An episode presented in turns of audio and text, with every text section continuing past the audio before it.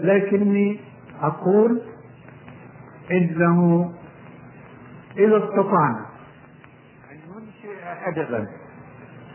يعطينا المعاني التي يحث الإسلام عليها من عبادة لله وحده دون شريك من جهاد في سبيل الله من عمارة للأرض بمقتضى المنهج الرباني.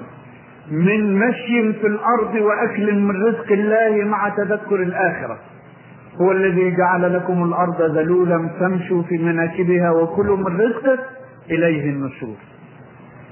من إحساس وإعجاب بالجمال دون أن يفتن الناس بالحس إنما يؤدي بهم إعجابهم بالجمال إلى رؤية قدرة الله المعجزة فيصبحوا أكثر إخباتا وأكثر خشية لله. إن استطاع الأديب بطرقه الفنية التي هو أدرى بها أن يعطينا هذه المعاني بطريق غير مباشر يكون هذا هو النجاح الكامل للأدب الإسلامي. ولكني في عجالتي هذه أختار بعض الميادين لأني لا أستطيع أن أتحدث عن كل الميادين. هذه تحتاج إلى دراسة واسعة لست أهلا لها أختار بعض الميادين التي أشعر بالنقص الشديد في الاشتغال الأدبي بها لكي يصبح الأدب في خدمة الدعوه على سبيل المثال أقول على سبيل المثال لا أقول إن هذا هو أهم المجالات ابدا. قد تكون هناك مجالات أهم. لكن أنا أتحدث بما يخطر على ذهني وأنا جالس معكم أفكر بصوت مسموع كما يقولون مراجعة إنتاج الأدباء في الفترة المهتزة التي غزانا فيها الغزو الفكري. على مصر الإسلام. مراجعة إنتاج توفيق الحكيم. مراجعة إنتاج حسين مراجعة إنتاج العقاد مراجعة إنتاج الأدباء الذين لمعت أسماءهم في تلك الفترة التي كان الغزو الفكري يملأ أفكارنا ومشاعرنا وقلوبنا. كم تأثروا بالغزو الفكري؟ وحين نقومهم بالميزان الإسلامي ماذا يبقى من أدبهم؟ هذا موضوع. لا أرى أنه التفت إليه كثيرا ولكني أحمد الله أن ناقدة لا أعلم والله من أين. قد تكون مصرية قد تكون فين. تكتب مسلسلا في جريدة الندوة أظن كل يوم اثنين. وصلت إلى الحلقة 24 في تقويم أدب توفيق الحكيم وإبراز شطحاته وما خرج به على المفهوم الإسلامي وما تهجم فيه على مقامات كمقام رسول الله عليه الصلاة والسلام ومقامات الصحابة رضوان الله عليهم. جهد مشكور أرجو أن يتبعه. جهود مشكورة أخرى في ذات الطريق تقوم هذا الأدب الذي خرج في الفترة المهتزة التي غلب فيها الغزو الفكري لأن هذه الأسماء مقروءة يقرأها شبابنا ويتأثرون بما فيها. وقد يخيل إليهم من الصيت الزائع لهؤلاء الأدباء أن كل ما يقولونه حق أو كل ما يقولونه واجب القراءة. واجب القراءة أنا لا أمنع القراءة. أنا قرأت فرويد وداروين وكل الكفر الأوروبي قرأته. لكن قرأته والحمد لله لأستفيد منه رؤية عميقة صائبة في دين الله تحقيقا لمقولة عمر رضي الله عنه لا يعرف الإسلام من لم يعرف الجاهلية.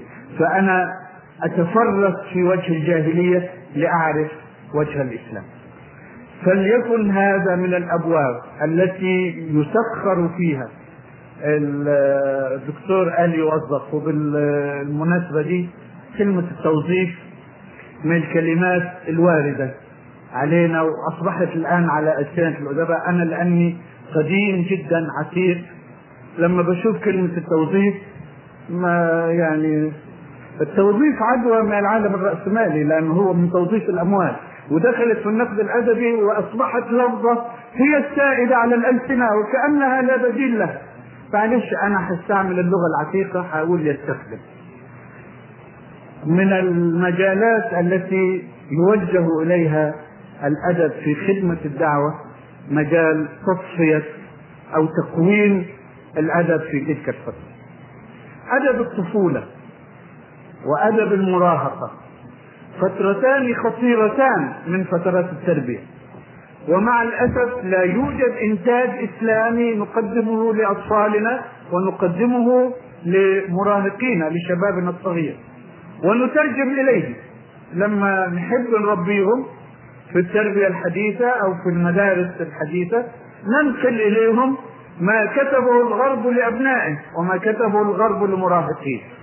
ونحن نقف على قاعدة مختلفة تماما عن القاعدة التي يقف الغرب عليها. آه، بالمناسبة دي أنا أستطرد أحيانا. تيجي في دماغي فكرة أشرككم معي معي فيها. قرأت مرة كتاب لطيف جدا جيد جدا مترجم من الروسية إلى الإنجليزية للأطفال في الصواريخ والأقمار الصناعية وهذا العلم الحديث. الحقيقة أنه جيد جدا في تبسيط المعلومات الحديثة إلى المستوى الذي يستطيع أطفال نهاية المرحلة الابتدائية وبداية المرحلة الإعدادية أن يتابعوا. وهذا تثقيف ضروري. فينبغي لأبنائنا الذين يعيشون في عصر الفضاء أن يعرفوا شيئا عن الفضاء وعن الأدوات التي تطلق فيه. لكن روسي شيوعي لم يكتفي بأداء العلم بتبسيطه للأطفال لازم يحط فيه شوية إلحاد. وإلا الدولة ما تسمحش به الدولة بتدرس الإلحاد رسميا في المدارس يعني مكان حصة الدين عندنا في حصة إلحاد رسمية في الجدول. والإلحاد مكتوب في الدستور لا إله والكون مادة. وفي مادة في قانون العقوبات تعاقب كل من ضبط يتحدث في أمور دينية مع شاب أو فتاة دون الثامنة عشر. فلازم يحط فيه شوية إلحاد يرش شوية إلحاد. بعد ما بسط النظريات الحديثة في إطلاق الصواريخ وزاوية الإطلاق والصاروخ بينطلق بأي قوة ويروح فين والمدار بتاعه الإهليليجي أو الدائري وإيه اللي بيخلي قمر يمشي في مدار إهليليجي وقمر آخر يدور في مدار دائري. كل ده تبسيط علمي جميل جدا. ثم قال إننا نستطيع أن نصعد على سطح القمر. لم يكن الأمريكان قد هبطوا بعد في ذلك الحين على سطح القمر والروس لم يهبطوا حتى الآن. نستطيع في يوم من الأيام أن نهبط على سطح القمر ثم نشحنه. شحنة كهربائية ضخمة فتتناثر المجموعة الشمسية. يعني لوجه من توضع؟ لوجه الشيطان طبعا. إنما دي جاءت بالمناسبة وأنا أتحدث عن أدب الطفولة وأدب المراهقين. يلزمنا يلزمنا أن نقدم ادبا اسلاميا يغذي هؤلاء الأطفال. لا بمواعظ إنما بالطريقة الفنية التي توصل المعنى بطريق مباشر بحيث تنطبع نفس الطفل على أخلاقيات الإسلام وقيم الإسلام واهتمامات الإسلام. لا تصبح اهتماماته؟ اسمه إيه؟ آه فكروني اللي بيطلع في التلفزيون ده. اللي بينفخ دراعه وياكل سبانخ وينفخ دراعه و... ها؟ ثمر الأجسام. لا. المهم اللي بنغذي به أطفالنا. اهتمامات تافهه جدا. يزعمون أنهم يبسطون العلوم في هذه الطريقة. لكن اهتمامات الطفل بعد أن يربى على هذه ما باي شيء يهتم. هل يذكر ربه؟ هل يهتم بآخرته؟ هل ينطبع بالطابع الإسلامي الخلقي الديني؟ ينقصنا أدب يعطي هذا التوجيه للأطفال ويعطي هذا التوجيه للمراهقين فينشئهم تنشئة إسلامية. يساعد المدرسة ويساعد البيت في هذه النشأة الإسلامية. من المجالات التي أرى أن يوجه لها الفكر الإسلامي وأنا أستعمل الأدب هنا بمعناه العام لا بمعناه الاصطلاحي الخاص فيشمل الفكر عامة التفسير الإسلامي للتاريخ. وهي قضية أنا معني بها عناية خاصة وأرجو أن يوفقني الله إلى إبرازها. كتبت كتيب صغير بإعلان مجانا للجماهير. كتاب بعنوان حول التفسير الإسلامي للتاريخ. هو الآن في المطبعة وأرجو أن يخرج في خلال شهر على الأكثر بإذن الله. حاولت فيه أن أجمع النقاط الرئيسية الركائز المقومات التي يقوم عليها التفسير الإسلامي للتاريخ. وقد وجدت من دراستي أن التفسير الإسلامي للتاريخ مختلف تماما عن التاريخ الذي ندرسه الآن لأن التاريخ الذي ندرسه في مدارسنا وجامعاتنا هو التفسير الغربي الليبرالي للتاريخ وهو قائم على قاعدة تصورية وتعيير أو يعني وزن للإنجاز البشري مختلف تماما عن التصور الإسلامي للإنسان وعن المعايير الإسلامية لتعيير منجزات الإسلام آه، الإنسان. ونحتاج أن نتعرف عليه. ونحتاج أن نعيد كتابة التاريخ البشري كله على هدى التفسير الإسلامي للتاريخ لكي نزيل التناقض بين عقيدتنا وثقافتنا. وأنا أضرب مثالا. مارسته وأنا طفل. ومارسته مدرسا للأطفال حين كنت في فترة من عمري أدرس للصبيان درس التاريخ.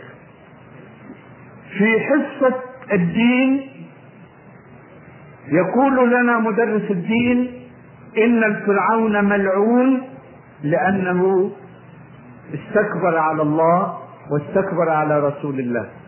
وفي حصة التاريخ يقال لنا الفرعون المجيد وتعدد لنا أمجاد الفرعون.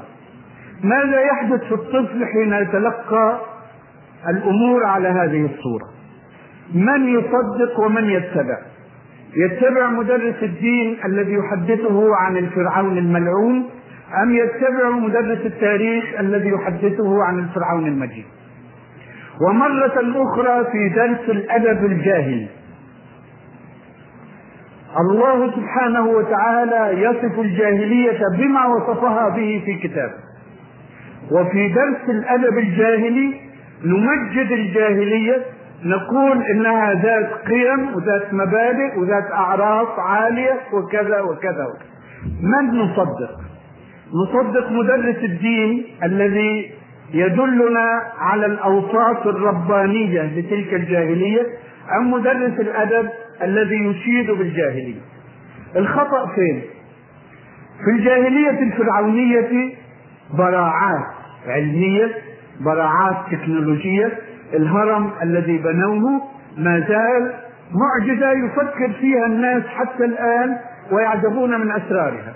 وزعم زاعم أنا أنقل بس ناقل اللغو ليس بلاغ يقول آه، مؤلف علمي يعني بحث علمي إن الشكل الهرمي يختلف في خصائصه عن المربع والمكعب والدائرة وجميع الأشكال الأخرى وأنه يتميز بمميزات عجيبة. ففي العمود الساقط من رأس الهرم إلى القاعدة في الثلث الأسفل منه منطقة ذات خواص عجيبة فإذا وضعت فيها جثة لا تتعفن وإذا وضعت فيها شفرة تحد تلقائيا وإذا وضع فيها ماء يكتسب صفات علاجية. أنا لا أقول هذا على أنه علم لكن صحف علمية تقول هذا. وتقول إنه من الأسرار التي اكتشفها الفراعنه وما زال العالم حتى الآن عاجزا عن تتبعها. حين أكتب التاريخ من وجهة النظر الإسلامية أو على ضوء التفسير الإسلامي للتاريخ لن أقول إن الفراعنة لم يكونوا مهندسين بارعين ولن أقول إن الفراعنة لم يكونوا أطباء بارعين فقد أجروا عمليات تربنة في المخ. من خمسة آلاف سنة وجدت جثث مفتوح فيها فتحة للكشف على المخ.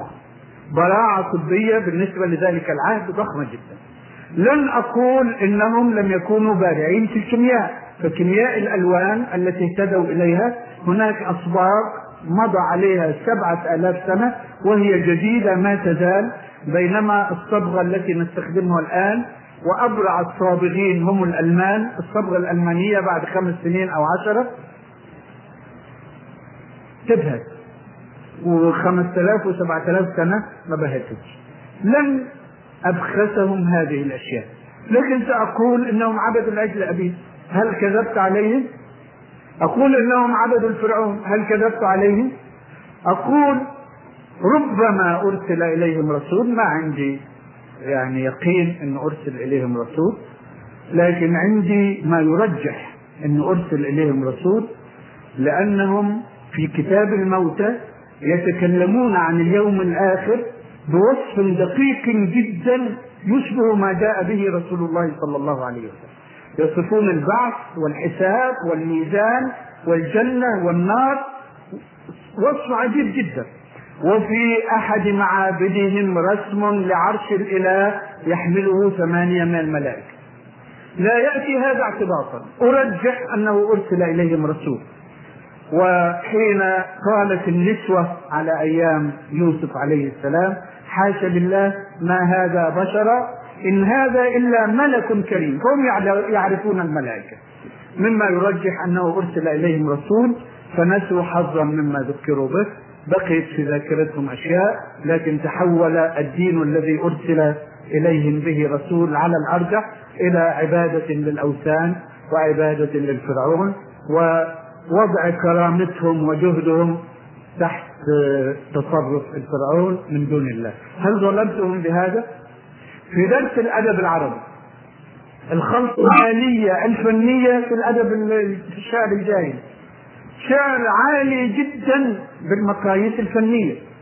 بارع يدل على براعة في القول يدل على تفكير ناضج لأنه ما فيه من الحكمة وما فيه من الأخيلة وما فيه من التصورات. يدل على أنها أمة ليست كما يقال بدوية لا تعرف شيئا لأن الأمة البدوية التي لا تعرف شيئا لا تقول هذا القول. بهذه البراعة بهذه التصورات بهذه الأخيلة. لكن البراعة الفنية شيء براعة القول شيء والقيم والمعايير التي كانت سارية في الجاهلية شيء آخر. آه كان في فضائل. لكن الجاهلية لوتها وحولتها عن أصلها. الكرم فضيلة في هذه البيئة. لكن الجاهلية لوتها إلى أن تصبح ينفقون أموالهم رئاء الناس. يعني نذبح لكي تتحدث بذكرنا الركبان. إذا كان ما في ركبان ما في ذبح هذا معنى أشار إليه كتاب الله سبحانه وتعالى. وقال عنهم من من ينفقون أموالهم رئاء الناس. الشجاعة فضيلة من فضائل هذه البيئة. لكن الجاهلية كانت لوتها. فحولتها إلى حمية التي يقول عنها كتاب الله إذ جعل في قلوب الذين كفروا الحمية حمية الجاهلية. إيه الحمية دي؟ لا يسألون أخاهم حين يندبهم إلى القتال على ما قال إبراهيم قتال هيجس يلا. حق باطل لا يسألون. فحين أقول هذا هل ظلمتهم؟ براعة الكون شيء. الفضائل اللي كانت موجودة حق. لكن إلى جانب هذا عبدوا الأصنام عبدوا الأوثان لوت الجاهلية كثيرا من فضائلهم. يقوم يبقى في توازن في نفس الطالب. وأعطيه القيم الجمالية كما هي لا أبخسها. وأعطيه في الوقت ذاته ما لا يتعارض مع التوجيه الرباني. حين يجيء في كتاب الله ذم للجاهلية لا يسعني أن أعطي صورة للجاهلية ليست فيها عيوب. فأحير الطالب بين ما يسمعه في درس الدين وما يسمعه في درس الأدب. الجاهلية الرومانية كيف ندرسها في التاريخ؟ كيف تدرس لنا؟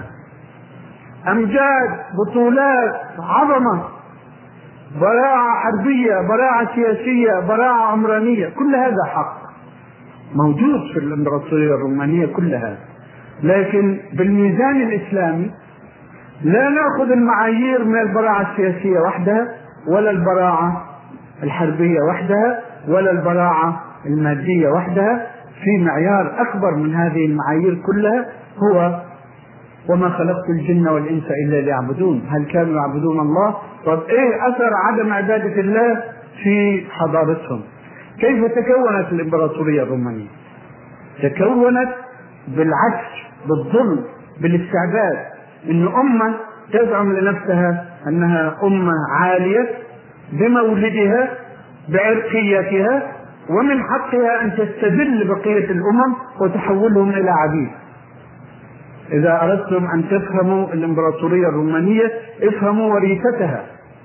الإمبراطورية البريطانية الإمبراطورية الروم الأمريكية الإمبريالية الأمريكية التوسع الروسي الامبريالي هذا هو وريث الإمبراطورية الرومانية. ونحن نراه الآن أمام أعيننا. ما هو في ميزان الإسلام؟ تقدم حضارة أم انتكاس؟ حين ندرس التاريخ من زاوية الرصد الإسلامي ستتغير أمور كثيرة جدا. لن تتغير وقائع التاريخ ابدا. الوقائع هي هي لكن يتغير تفسيرها ويتغير تقويم إنجازات الإنسان. هذه كلها ميادين يستطيع الأدب فيها أن يكون في خدمة الدعوة. في الاقتصاد. قولوا لي كفاية ندرس لأبنائنا في علم الاقتصاد في الدرس الأول المشكلة الاقتصادية هي مشكلة الندرة. قال اللغويون الندرة وليست الندرة. خليها كده ولا كده. يقول رب العالمين وبارك فيها وقدر فيها أرزاقها وأقواتها ويقول علم الاقتصاد الجاهلي إن المشكلة الاقتصادية التي يبحثها علم الاقتصاد هي مشكلة الندره أي أن الموجود في الأرض أقل من الطلب عليه وكيف تحل المشكلة. رؤية غير إسلامية على الإطلاق. وإلى الآن لم نعطي البديل الإسلامي لهذه الرؤية. البديل الإسلامي شيء مختلف تماما. ليست المشكلة الاقتصادية في عرف الإسلام هي مشكلة الندرة أو الندرة. إنه مشكلة البشر وهم يتصرفون في أرزاق الله التي أتاحها لهم في الأرض. فيطغى بعضهم على بعض ويظلم بعضهم بعضا. وينفقون الملايين في صناعة المدمرات ويتركون البشر في الجوع. هذه هي المشكلة الاقتصادية. مشكلتها انحراف البشر عن المنهج الرباني وليست مشكلة الندرة ولا الندرة. حين نقدم العلوم حين نقدم المعرفة من زاوية الرؤية الإسلامية نكون قد وضعنا الأدب في خدمة الدعوة وآن لي أن أعتقكم لوجه الله وأن أكف عن الكلام وأن أقول إن المجال واسع. ولست مهيئا أن أتكلم فيه على سعته فلأكتفي بما استطعت أن أجمعه من أفكار وأرجو ألا أكون قد أضعت وقتكم كله وأحمد الله لي ولكم وأستغفر الله من كل ذنب لي ولكم. فاستغفروه إنه هو الغفور الرحيم. وآخر دعوانا أن الحمد لله رب العالمين. والصلاة والسلام على سيد المرسلين. بسم الله الرحمن الرحيم. باسمكم جميعا. اثني بالشكر على فضيلة الشيخ محمد قطب. فجزاه الله خيرا. أتحفنا هذه الليلة بجولات ماتعة. أخذنا منها الشيء الكثير فقد دارت محاضرته حول محاور ثلاثة قضية الالتزام في الأدب والتساؤل الذي طرحه في بداية الحديث هل الأديب المسلم أديب ملتزم أم متفلت؟ ثم تناول في هذه القضية حدود الجوانب المعرفية التي ينبغي أن توافق المنهج الفكري الإسلامي في صورة مؤثرة آه، تأخذ الإنسان إلى حقائق هذا الفكر الإسلامي القوي. أما المحور الثاني فتحدث فضيلته عن الانحرافات التي مرت بها الأمم الغربية وما زالت في آه، استمرار تكرر الجاهلية التي تتخبط فيها حتى عصرنا الحاضر. وأفادنا جزاه الله خيرا عن هذا التتبع التاريخي لحركة الفكر الغربي. ثم وقف موقفا آه، في محاولة لمعالجة هذه الانهزامية من البعض أمام آه، استيراد بعض المذاهب والمناهج الفكرية التي آه، تشوش على سلامة المنهج الفكري الإسلامي كما تشوش على الفطر السليمة التي فطرها الله سبحانه وتعالى. ثم عالج في المحور الثالث آه، قضية خدمة أو الأدب في خدمة الدعوة. وأكد فضيلته آه، على جانبين مهمين في حياتنا. أكد على أدب الطفولة والمراهقة. لأهمية هذه المرحلة في حياة الناشئة من أبنائنا ثم عرج بنا على ما ينبغي أن يقوم به مفكر الأمة الإسلامية حول كتابة التاريخ من وجهة النظر الإسلامية. آه بعد هذه الجولة الماتعة والتي دائما آه نستفيد من فضيلة آه أستاذنا الشيخ محمد قطب. آه هناك مجموعة من الأسئلة كبيرة جدا وكثير من هذه الأسئلة قد تطرق فضيلته للإجابة عنها من خلال آه، المحاضرة. ولكننا سنعرض بعض هذه الأسئلة التي قد نغري فضيلته بالاستمرار في معالجة قضايا الفن والأدب وأن تطبيقه للفن فيه خسارة علينا. نحن المشتغلين بهذا المجال.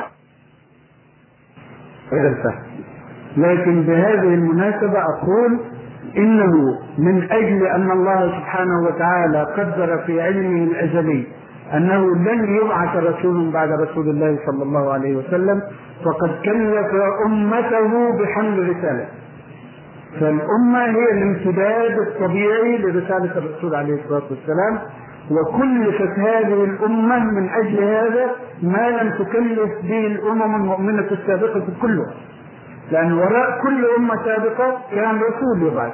لكن حين قدر الله ألا يبعث رسول بعد محمد صلى الله عليه وسلم كلف الأمة أن تقوم برسالته الأمم السابقة ماذا قال عنها الله سبحانه وتعالى قال وما أمروا إلا ليعبدوا الله مخلصين له الدين حنفاء ويقيموا الصلاة ويؤتوا الزكاة وذلك دين القيم.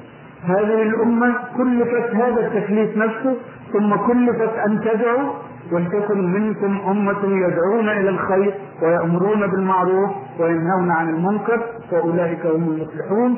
وكلفت أن تجاهد في سبيل إبلاغ الدعوة وقاتلوهم حتى لا تكون فتنة ويكون الدين كله لله. وأمة محمد صلى الله عليه وسلم تحمل رسالته وهي مكلفة بها إلى يوم القيامة. وهذه هي الشهادة التي كلفت بها الأمة وأخرجت من أجلها وكذلك جعلناكم أمة وسطا لتكونوا شهداء على الناس.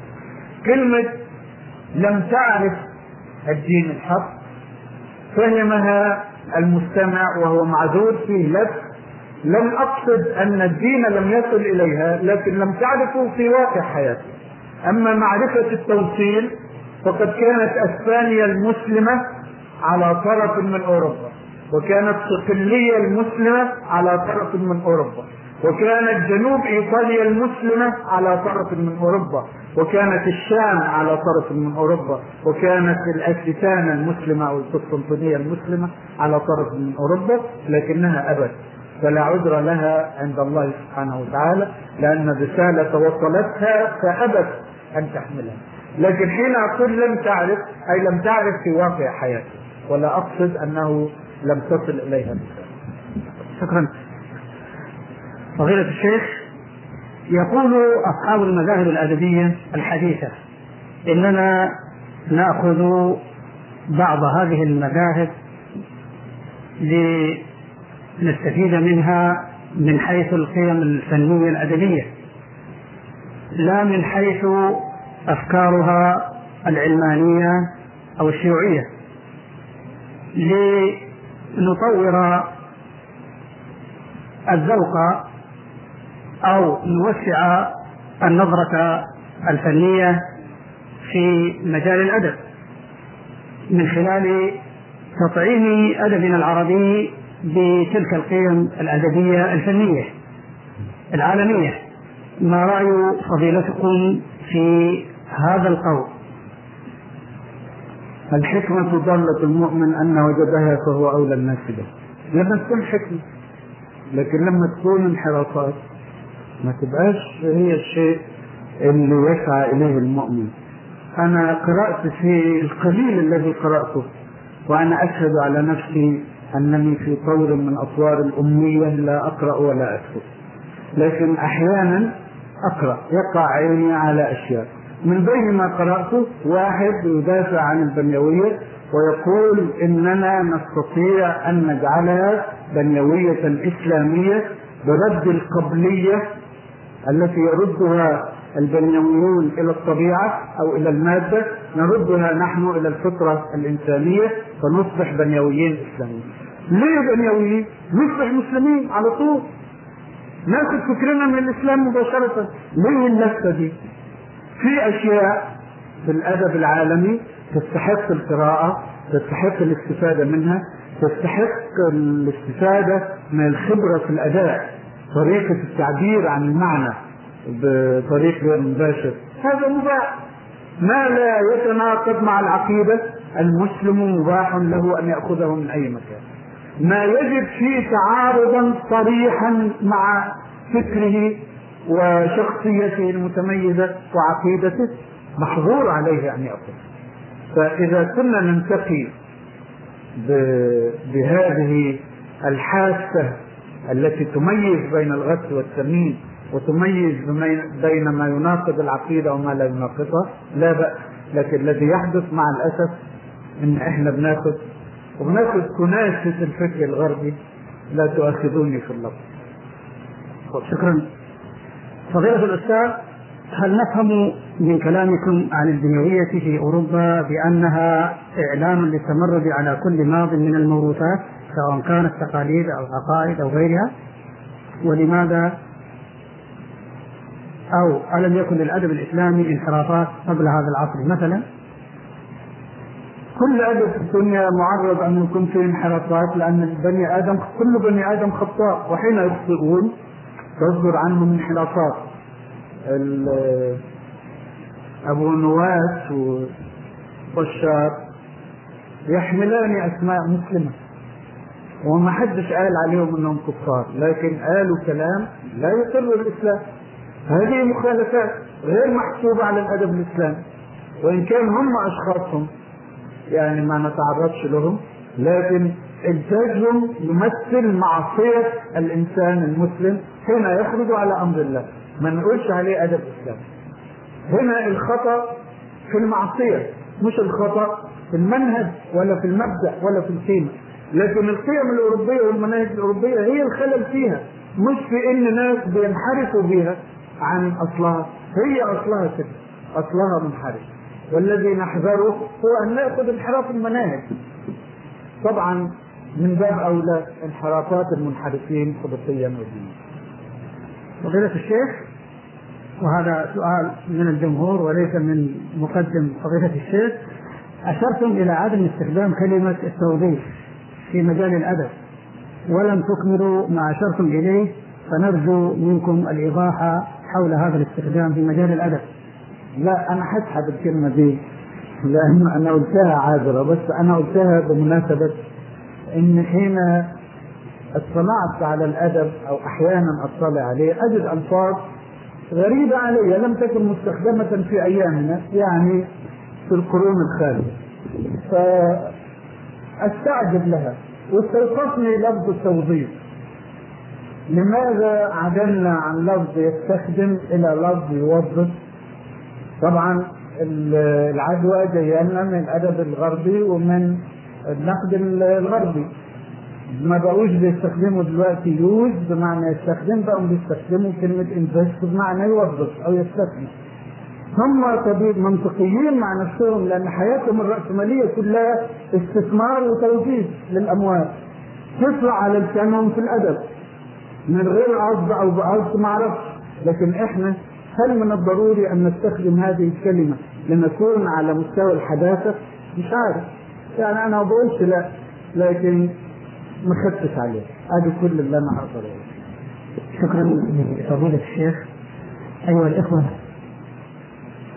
باسمكم جميعا نثني بشكر صاحب الفضيلة الشيخ محمد قطب على هذه الأمسية الماتعة ولا بد أن للجمهور مشاركة في مثل هذه المحاضرات. أول هذه المشاركات من سعادة الدكتور علي عباس حكمي عبد الوهاب عباس حكمي آسف يتفضل بالتعليق ونرجو أن يكون التعليق يعني في مقتضب وفي وقت يسمح لغيركم بالتعليق فلتفضل. مقتضب مختصر نعم.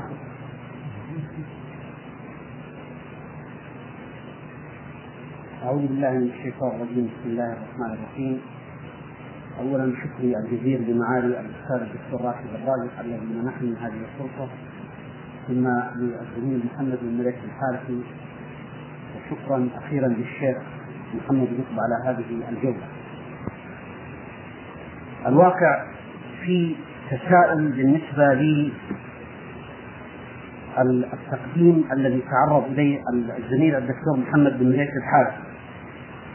الشيء الذي أعرفه أنا وأرجو التصحيح أن يرد من الأستاذ محمد قطب أن كتاب الشهيد المرحوم سيد قطب النقد الأدبي كان يمثل مرحلة تختلف عن مرحلة يعني مرحلة معينة لأن الشيء الذي أعرفه أنا أن فؤاد دوارة في كتابه عشر أدباء يتحدثون قال أن سيد قطب هم من الذين اكتشفوا نجيب محمود. فالنقد الأدبي كان يمثل مرحلة على سبيل المثال في حياته الفكرية تختلف عن مرحلة في ظلال القرآن. هذه النقطة الأولى. النقطة الثانية موضوع التصور والذي أحسسته أنا من عبارة الأستاذ محمد قطب أن فكرة التصور هي التي أدخلت أن داروين أدخل فكرة التصور في الفكر الأوروبي. الشيء الذي أعرفه أنا أن فكرة التصور كفكرة سواء منحى فلسفي أو فكري الواقع بدأت منذ عهد قديم. فالفكرة قديمة وتعرض لها عدة علماء على سبيل المثال إخوان الصفا تعرضوا لهذه الفكرة الإمام الفخر الرازي تعرض لهذه الفكرة ابن خلدون ثم جاء أعتقد في عام 1699 إدوارد تيسون وهذا طبيب إنجليزي الذي درسها دراسة علمية موضوع العلاقة بين الإنسان والحيوانات الأخرى ثم جان لوك وهؤلاء. فهذه الفكرة الحقيقة إذا أردنا أن نتخذ منها انسلاء لا مارك نعم؟ لا مارك لا إدوارد كيسنجر أيوه لا مارك قبل داروين قال نفس الآمار وجاء الأخوة تعرضوا لها. نعم. ثلاثة مختلفين. الآن الموضوع الثالث موضوع إعادة تقييم طه حسين والعقاد وتوفيق الحكيم كيف يكون إعادة تقييم طه حسين؟ هل هو التقييم لبعض كتب طه حسين وأي كتب من كتب طه حسين؟ على هامش السيرة على سبيل المثال مرآة الإسلام أو في الشعر الجاهلي الذي نستطيع أن نقول أنه وهذا الكلام سبق أن قيل أنها قد تكون شطحة من شطحات طه حسين في الشعر الجاهلي بالنسبة للعقاد هل مرحلة العقاد على سبيل المثال في بداية حياته في الثلاثينيات في الفصول والغايات أو في بين الكتب والناس ثم المعروف أن المفهوم العقاد في نهاية حياته في العقليات اتجه اتجاه قد يكون يخالف الاتجاه الذي بدأ في حياته. ثالثا موضوع توفيق الحكيم. المعروف أن توفيق الحكيم أو المرفوض توفيق الحكيم له عدة كتابات مختلفة. وربما يرد التعليق الواقع بالذات على لأنه فيما أعتقد له مسرحية بعنوان محمد رسول الله. فما أدري إذا كان عملية المقتضيات الفنية والأدبية هي اضطرته أن يدخل بعض التعليقات ولكن أو الإخراجات المعينة. أو التصورات الفنية والأدبية المعينة. النقطة الرابعة والأخيرة. أنه أين يكمن الحسن والقبح في النص الأدبي؟ وهذه هي نقطة السؤال الواحد. هل الحسن والقبح يكمن في الصورة الشعرية؟ وهذا الكلام عدة نقاد الحقيقة ابتداء من جعفر بن قدامة. وأرسطو الحقيقة سبق هذا الكلام وهوراس الحقيقة كثير تكلموا عن هذا الموضوع في النقد الروماني وفي النقد الإنجليزي وفي النقد الأوروبي عدة أشخاص وكل يتكلم عن هذا الكلام. أم هل أن الحسن والقبح في النص الأدبي يكمن في لغة النص الأدبي؟ وهذا الشيء تعرض له الإمام الجرجاني وتعرض له ارسطو قبل ذلك وهو مطرح السؤال الواقع في موضوع البنيويه وما أدراك ما البنيويه البنيوية هي تحليل لغوي للنصوص الأدبية. البنيوية هي محللة من أي التزامات أيديولوجية للنصوص الأدبية.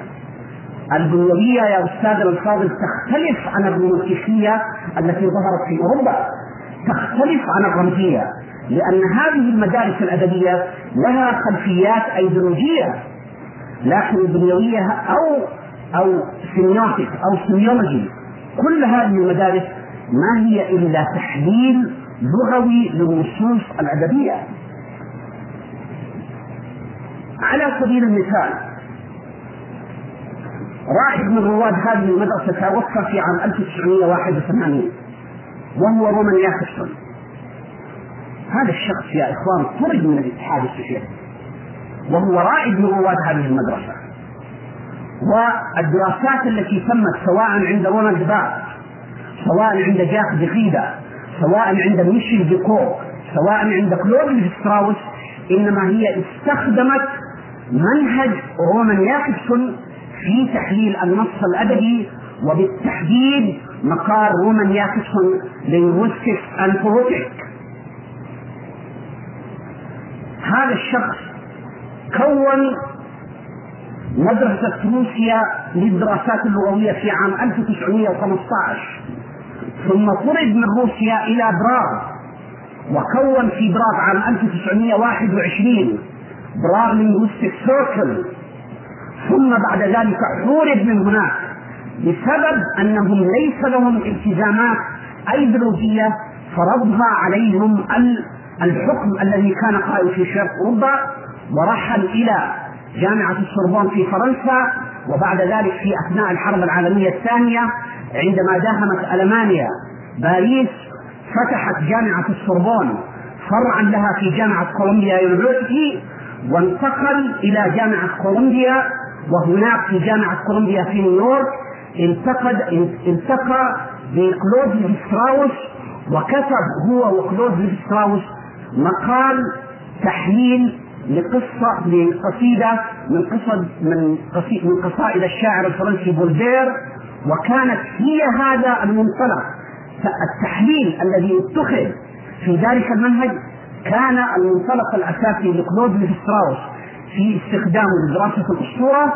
كان المنطلق لدراسة آه، رولاند بارت في دراسة الموضة كما بدأ رولاند بارت فالقضية أو الأساس أن البنويه هي تحليل لغوي بالنصوص الأدبية مجرد من أي التزامات وأي خلفيات أيديولوجية. هذه النقاط التي احببت أن أطرحها والسلام عليكم ورحمة الله وبركاته. شكرا شكرا للدكتور الحكمي على إحاطته بالموضوع وأرد ردا سريعا على بعض النقاط التي اثارها ما قاله في كتاب النقد الأدبي صحيح وسيد نفسه لم يوصي بهذا الكتاب من بين الكتب التي أوصى بأن تقرأ لأنها تمثل من حياته مرحلة معينة كان معنيا فيها بالأدب من ناحية الأدب يعني بمفهوم جاهلي كما يقول هو آه، ولذلك أسقطه من قائمة الكتب الموصى بقراءتها أنا لا أسقطه مئة في المئة لأنه تكلم عن قضايا فنية أو نقدية في اللفظ والمعنى وفي طريقة الأداء. آه، يعني آه، ممكن أنه تستمر قراءتها لكن المنظور أو المفهوم أو المنطلق الذي انطلق منه في ذلك الكتاب لم يكن هو المنطلق الإسلامي وهو نفسه الذي يقول ذلك ومن أجله لا يوصي بقراءة هذا الكتاب من بين كتبه المعتمدة. آه، قضية دار والتطور آه، الأسماء التي ذكرها الدكتور الحكمي معظمها أسماء إسلامية وأنا قلت أن أوروبا هي التي لم تكن تعرف إلا الثبات ثم انقلبت إلى التطور الإيمان بالتطور.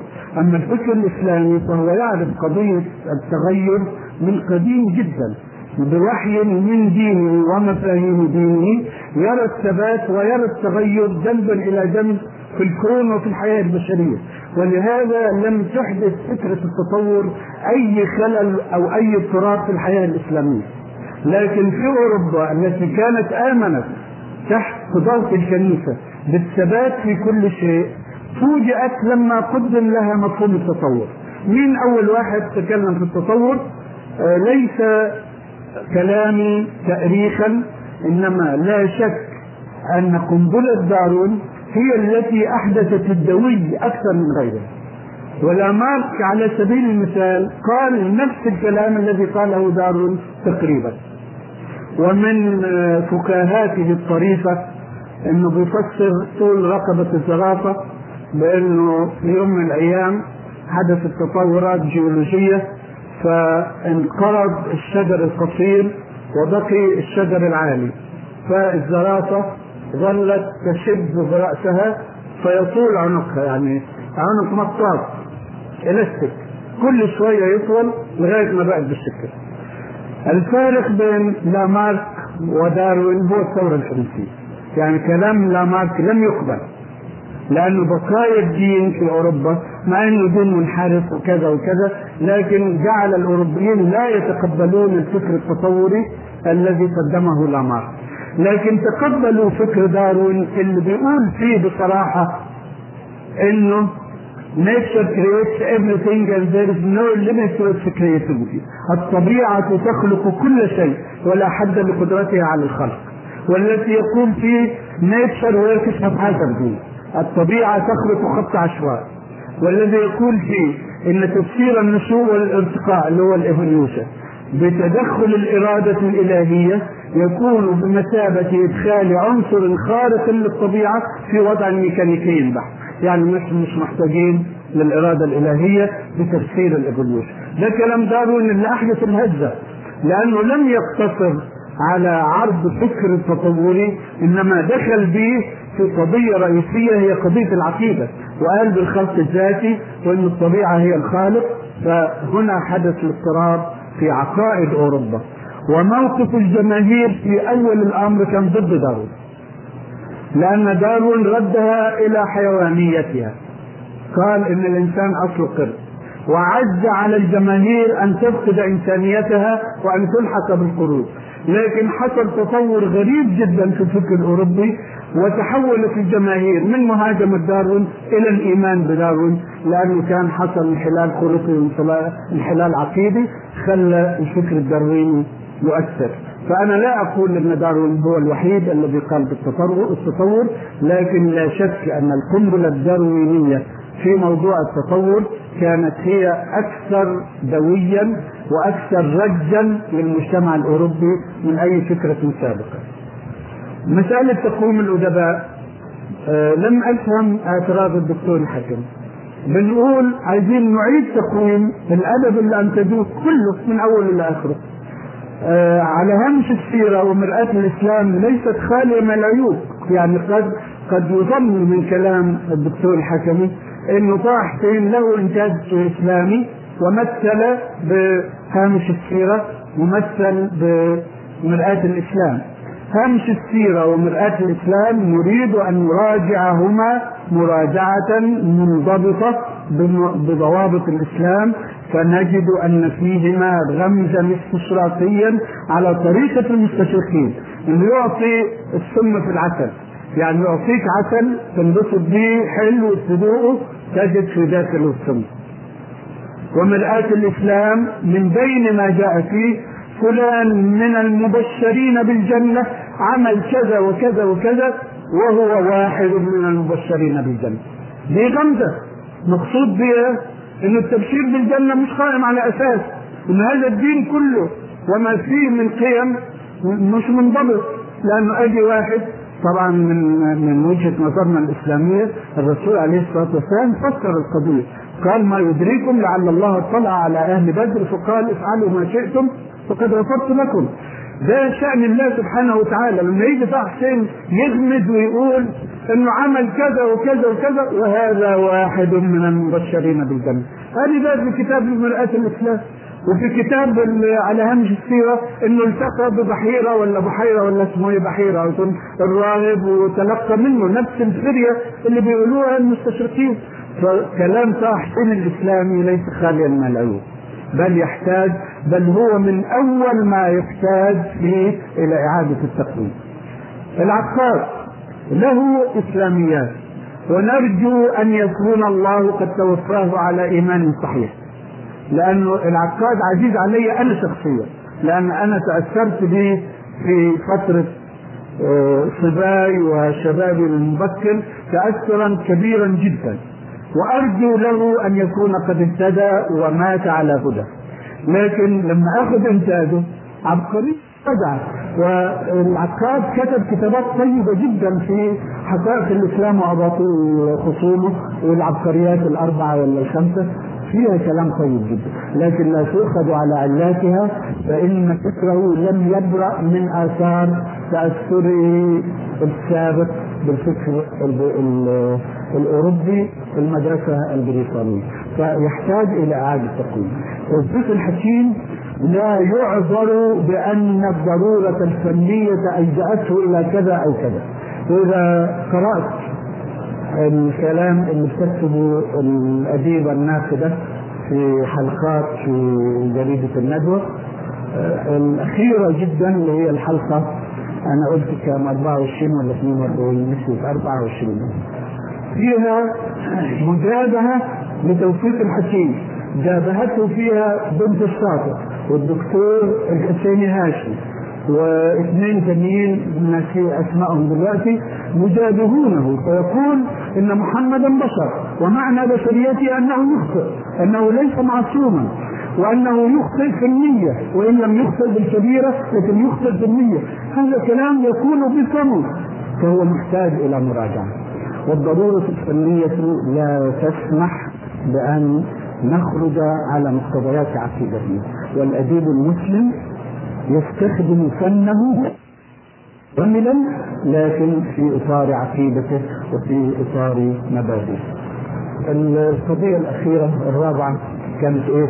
آه قضية البنيوية ولا البنيوية ولا البنيوية يعني كما ولن أخوض فيها لأنها هي خارجة في الحقيقة عن مجالي وإن كانت جاءت عرضا في كلام لكن أنا آخذ كلمة واحدة من كلام الدكتور وأسلم بها مئة في المئة وأجعلها هي ردي عليها يقول إن البنيوية أو البنيوية غير ملتزمه بأي إيديولوجية على الاطلاق وهذا هو الذي اقوله انها لا تلتقي مع الإسلام لأن الاديب المسلم أديب ملتزم وهذا المنهج أو المذهب الذي لا يلتزم بأي منهجية على الإطلاق أو بأي إيديولوجية على الإطلاق لا يمكن أن يتقبله الأديب المسلم. حكاية اللفظ والمعنى وفين الجمال هل هو في اللفظ أو في المعنى هذه قضية أوسع من أن يتعرض لها في ذيل المحاضرة. وأترك للأدباء والنقاد أن يتناولوها بالافاضه اللازمة لها. وشكرا لكم جميعا. شكرا لفضيلة الشيخ محمد لطف